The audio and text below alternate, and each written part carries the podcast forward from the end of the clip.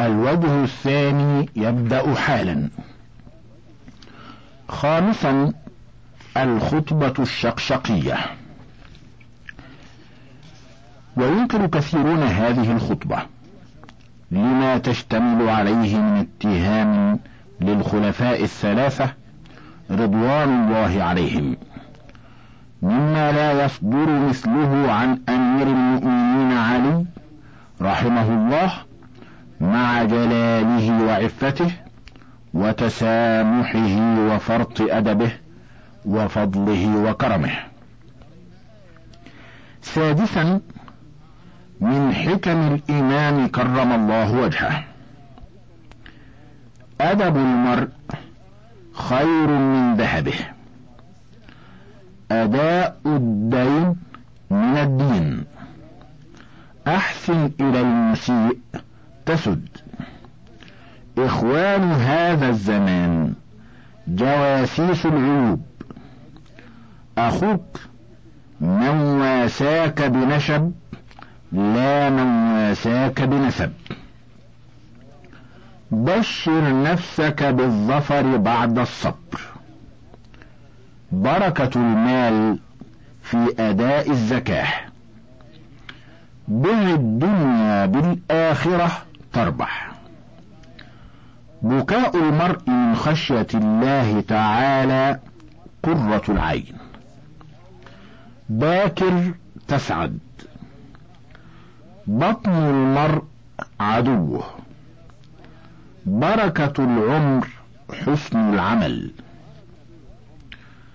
بلاء الإنسان من اللسان. بشاشة الوجه عطية ثانية.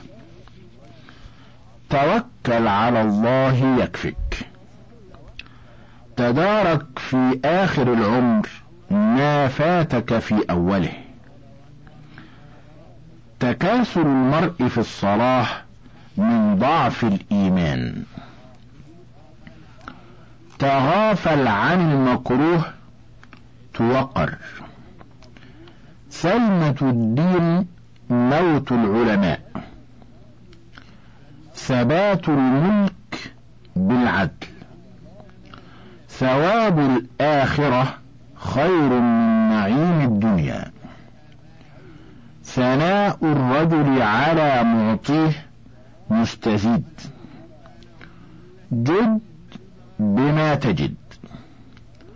جولة الباطل ساعة وجولة الحق إلى قيام الساعة.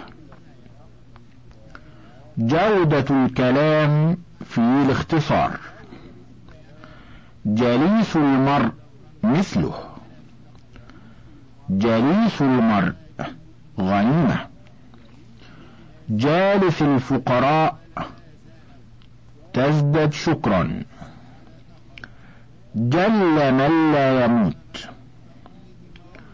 حياء المرء ستره حموضات الطعام خير من حموضات الكلام. خف الله تأمن غيره. خالف نفسك تسترح. خير الأصحاب من يدلك على الخير. خليل المرء دليل عقله. خوف الله يدلو القلب. خلو القلب خير من ملء الكيس. خير المال ما أنفق في سبيل الله. دليل عقل المرء فعله. ودليل علمه قوله. دوام السرور برؤية الإخوان. دولة الأرذال آفة الرجال. دين الرجل حديثه. دولة الملوك في العدل. دار من جفاك تخجيلا. دم على كظم الغيظ تحمد عواقبك. ذنب واحد كثير صرف طاعة قليل. ذكر الأولياء ينزل الرحمة. ذليل الخلق عزيز عند الله. ذكر الموت جلاء القلب. ذكر الشباب حسرة. رؤية الحبيب جلاء العين. رفاهية العيش في الامن رسول الموت الولادة. زيارة الحبيب إطراء المحبة. زوايا الدنيا مشحونة بالرزايا. زيارة الضعفاء من التواضع. زينة الباطن خير من زينة الظاهر. سيرة المرء تنبئ عن سريرته. سمو المرء التواضع. شين العلم الصلف. شمروا في طلب الجنة. شيبك ناعيك. شحيح غني أفقر من فقير سخي. صدق المرء نجاته. صحة البدن في الصوم. الصبر يورث الظفر. صلاة الليل بهاء النهار. صلاح الإنسان في حفظ اللسان. صاحب الأخيار تأمن الأشرار. صمت الجاهل ستره. صلاح الدين في الورع وفساده في الطمع. ضل سعي من رجا غير الله تعالى. ضرب الحبيب أوجع. ضل من ركن إلى الأشرار. طاب من وثق بالله. طلب الأدب أولى من طلب الذهب. ظلم المرء يصرعه. ظلامة المظلوم لا تضيع. ظمأ المال أشد من ظمأ الماء. ظل عمر الظالم قصير وظل عمر الكريم فسيح. عش قنعا تكن ملكا. عيب الكلام تطويله. عاقبة الظالم وخيمة. غدرك من دلك على الإساءة. فاز من ظفر بالدين. فخر المرء بفضله أولى من فخره بأصله. فاز من سلم من شر نفسه. فسدت نعمة من كفرها. قبول الحق من الدين. كلام الله دواء القلب. كفران النعمة مزيلها كفى بالشيب داء. كمال العلم في الحلم. لين الكلام قيد القلوب. من كثر كلامه كثر ملامه. مجلس العلم روضة من رياض الجنة. مصاحبة الأشرار ركوب البحر. نسيان الموت صدأ القلب. نم آمنا تكن في أمهد الفرش ندرة الوجه في الصدق. ولاية الأحمق سريعة الزوال. وحدة المرء خير من جليس السوء. هم السعيد آخرته وهم الشقي دنياه. هلاك المرء في العجب. هربك من نفسك أنفع من هربك من الأسد. لا دين لمن لا مروءة له. لا فقر للعاقل. يعمل النمام في ساعة فتنة أشهر. يسود المرء قومه بالإحسان إليهم. سابعا من روائع الحكم ودرر الكلم من كلام علي بن أبي طالب الدين يعصم. الدنيا تسلم. الصيانة رأس المروءة. الحق سيف قاطع. العجب عنوان الحماقة. البشاشة حبل المودة. الارتقاء إلى الفضائل صعب. والانحطاط إلى الرذائل سهل. السكوت عن الأحمق جوابه. إمام عادل خير من مطر وابل المحسن حي وإن نقل إلى منازل الأموات. العاقل إذا سكت فكر وإذا نطق ذكر. وإذا نظر اعتبر. الداعي بلا عمل كالقوس بلا وتر.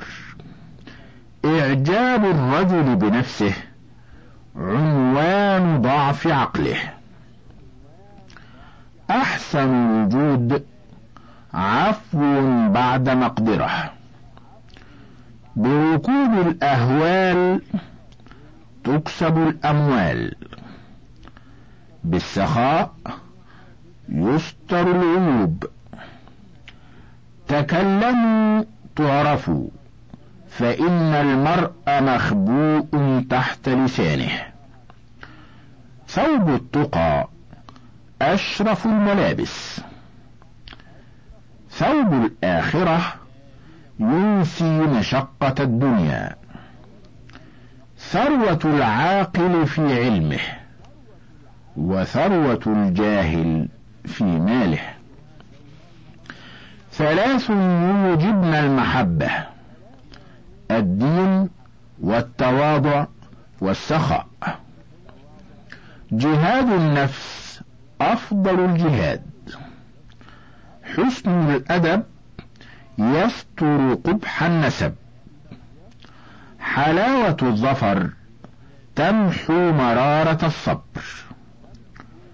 حد اللسان يقطع الأوصال. خير الثناء ما جرى على ألسنة الأخيار. دوام الفتن من أعظم المحن. رب سكوت أبلغ من كلام. زلة العالم كانكسار السفينة. تغرق وتغرق معها غيرها. زخارف الدنيا تفسد العقول الضعيفة. سلاح اللئام قبح الكلام. سمع الأذن لا ينفع مع غفلة القلب. شر الناس من لا يبالي أن يراه الناس مسيئا. شيئان لا يعرف فضلهما إلا من فقدهما الشباب والعافية. صمتك حتى تستنطق أجمل من نطقك حتى تسكت. صوم النفس عن لذات الدنيا أفضل الصيام. صدر العاقل صندوق سره. ضع فخرك واحطط كبرك. كما تزرع تحصد وكما تدين تدان. ضعف البصر لا يضر مع استنارة البصيرة. طوبى لمن غلب نفسه ولم تغلبه ومن ملك هواه ولم يملكه. طلب الثناء بغير استحقاق خرق.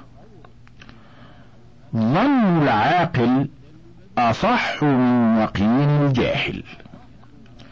ظرف الرجل تنزهه عن المحارم ومبادرته إلى المكارم. عليك بالآخرة. تاتك الدنيا صاغرة. عند الامتحان يكرم المرء أو يهان. عجيب لعامر دار الفناء وتارك دار البقاء. عجيب لمن يجهل نفسه كيف يعرف ربه. عبد الشهوة أذل من عبد الرق. عبد المطامع اسير لا يفك أسره. عاشر أهل الفضائل تنبل. عداوة الأقارب أمس من لسع العقارب. غاية المعرفة أن يعرف المرء نفسه. غنى المؤمن بالله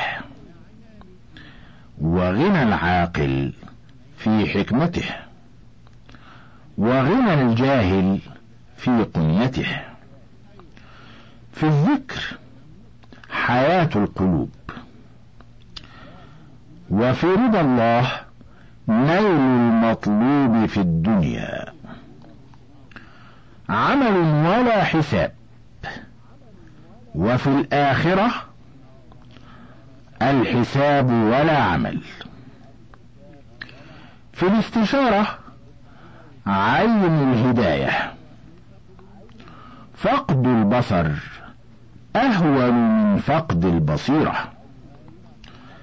قد يبغض القريب وقد يليم الصليب. قلة الأكل تمنع كثيرا من اعلال الجسم. قل الحق وإن كان عليك. قليل الحق يدفع كثير الباطل. كما أن قليل النار يحرق كثير الحطب. كل طير يأوي إلى شكله. كل شيء من الدنيا سماعه أعظم من عيانه. كل وعاء يضيق بما جعل فيه. إلا العلم فإنه يتسع. كم يفتح بالصبر ما غلق. كيف ينجو من الله هارب؟ كيف يسلم من الموت طالبه؟ كن عالما ناطقا أو مستمعا واعيا. كلام الرجل ميزان عقله. كلما قاربت أجلا فأحسن عملا. ليس من عادة الكرام تأخير الإنعام. للشدائد تدخر الرجال. من توفر وقر ومن تكبر حقر. من استشار العاقل ملك ومن استبد برأيه هلك.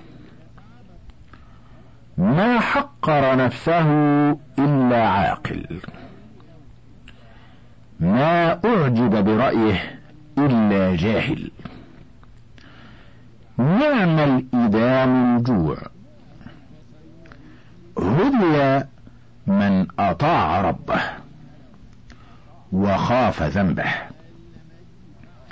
هلك امرؤ لا يعرف قدره. هانت عليه نفسه من أمر عليه لسانه. وقروا كباركم توقركم صغاركم. وقار الشيب اجمل من نضاره الشباب. لا تثقن بعهد من لا دين له. لا تعد ما تعجز عن الوفاء به. لا تثق بمن يذيع سرك. لا يسترقك الطمع فقد جعلك الله حرا. يستدل على الكريم بحسن بشره وبذل خيره.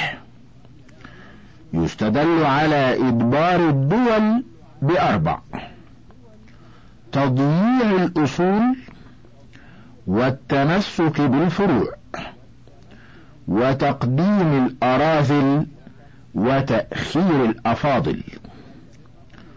يبلغ الصادق بصدقه ما لا يبلغه الكاذب باحتياله. ثامنا عن علي بن أبي رافع قال كنت على بيت مال علي بن أبي طالب وكاتبه. فكان في بيت ماله عقد لؤلؤ كان أصابه يوم البصرة. فأرسلت إلي بنت علي بن أبي طالب فقالت لي إنه قد بلغني أن في بيت مال أمير المؤمنين عقد لؤلؤ وهو في يدك وأنا أحب أن تعيرنيه أتجمل به في يوم الأضحى. فأرسلت إليها عارية مضمونة مردودة بعد ثلاثة أيام يا بنت أمير المؤمنين. فقالت نعم عارية مضمونة مردودة بعد ثلاثة أيام. فدفعته إليها. وإذا أمير المؤمنين رآه عليها فعرفه. فقال لها من أين جاء إليك هذا العقد؟ فقالت استعرته من أبي رافع خازن مال أمير المؤمنين لأتزين به في العيد ثم أرده. فبعث إلي أمير المؤمنين فجئته. فقال لي اتخون المسلمين يا ابن أبي رافع؟ فقلت معاذ الله أن أخون المسلمين. فقال كيف أعرت بنت أمير المؤمنين العقد الذي في بيت مال المسلمين بغير إذني ورضاهم؟ فقلت يا أمير المؤمنين إنها بنتك. وسألتني أن أعيرها تتزين به فأعرتها إياه عارية مضمونة مردودة على أن ترده سالما إلى موضعه.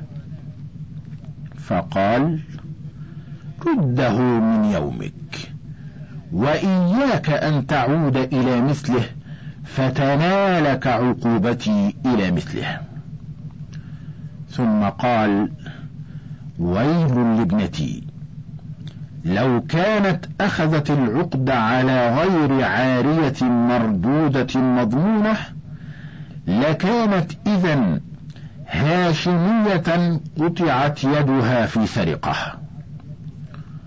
فبلغت مقالته ابنته. فقالت له يا أمير المؤمنين أنا ابنتك وبضعة منك فمن أحق بلبسه مني؟ فقال لها يا بنت ابن أبي طالب لا تذهبي بنفسك عن الحق. أكل نساء المهاجرين والأنصار يتزين في مثل العيد. بمثل هذا فقبضته منها ورددته إلى موضعه. تاسعا. وصف علي رضي الله تعالى عنه الدنيا وقد سئل ذلك فقال وما أصف لك من دار؟ أولها عناء وآخرها فناء. من صح فيها أمن ومن سقم فيها ندم ومن افتقر فيها حزن ومن استغنى فتن. حلالها حساب وحرامها عذاب. وراجع وصف علي رضي الله عنه لرسول الله صلى الله عليه وسلم. وراجع وصف ضرار الصدائي لعلي رضي الله عنه وقد طلب منه ذلك معاوية. ووصف الحسن البصري لعلي بن أبي طالب. في النوادر بالأمالي. وراجع جواب علي رضي الله عنه لمن سأله عن الإيمان. في النوادر أيضا. وراجع صيغة صلاته على النبي صلى الله عليه وسلم وكان يعلمها أصحابه. أيضا في النوادر. وكل هذه الأوصاف ما بين الصفحة المئة والسبعين والمئة والرابعة والسبعين من كتاب النوادر. انتهى الشريط الأول من كتاب ديوان الإمام علي وله بقية على الشريط الثاني.